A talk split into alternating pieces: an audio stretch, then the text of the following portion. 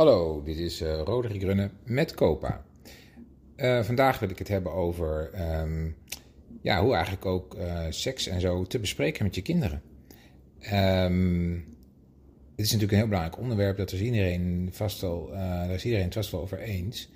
Um, maar ja, hoe start je dat nou eigenlijk, zo'n gesprek?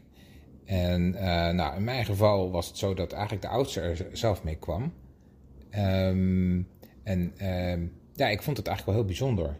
En uh, aan de ene kant was ik al een beetje een soort van overrompeld. En ik ook merkte dat ik zelf wat schroom had in het begin. En dat ik dacht, goh, en uh, wat, eh, kan ik eigenlijk nou gewoon zeggen? Kan ik alles wel zeggen? En aan de andere kant dacht ik, ja, wat vreemd eigenlijk. Het is zo normaal, hè?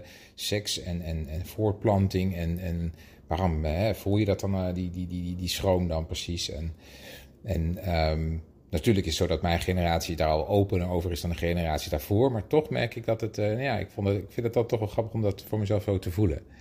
Maar goed, fijn dus dat de oudste erover begon. En uh, ja, dan zie je dus dat je kind eigenlijk heel erg open staat om dingen te leren. En ook um, nou, heel graag wil begrijpen hoe het dan precies zit.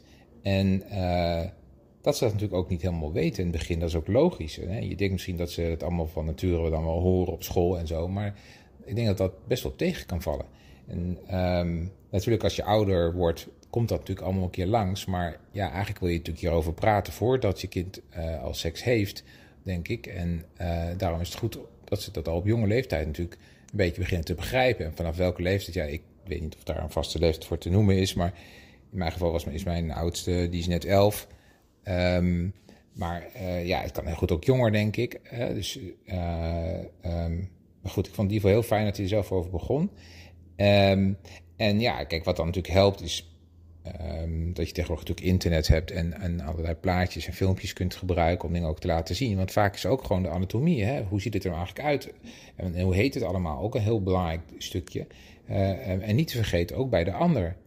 Hè? Want als, ja, als jongen weet je natuurlijk ook niet zomaar wat het is, uh, hoe het bij een meisje er bijvoorbeeld uitziet. En andersom. Dus ook dat uh, is belangrijk. Um, en ja, het grappige is natuurlijk dat ik natuurlijk in mijn rol als vader dat dan misschien met mijn zoon doe, maar ik net zo goed natuurlijk ook met mijn dochter kan doen. Uh, waarvan ik natuurlijk wel dacht, ja, ik ben nu gescheiden, dus ja, misschien is dan, hè, dat doet die moeder, doet de moeder het dan hè, met, met, mijn dochter, maar dat klinkt ook misschien weer een beetje uh, ouderwets klassiek of zo. Dus uh, ik dacht, nou, ik, ik, ik, ik bespreek het gewoon überhaupt, gewoon met, met mijn kinderen en, en, laat het ook een beetje natuurlijk lopen.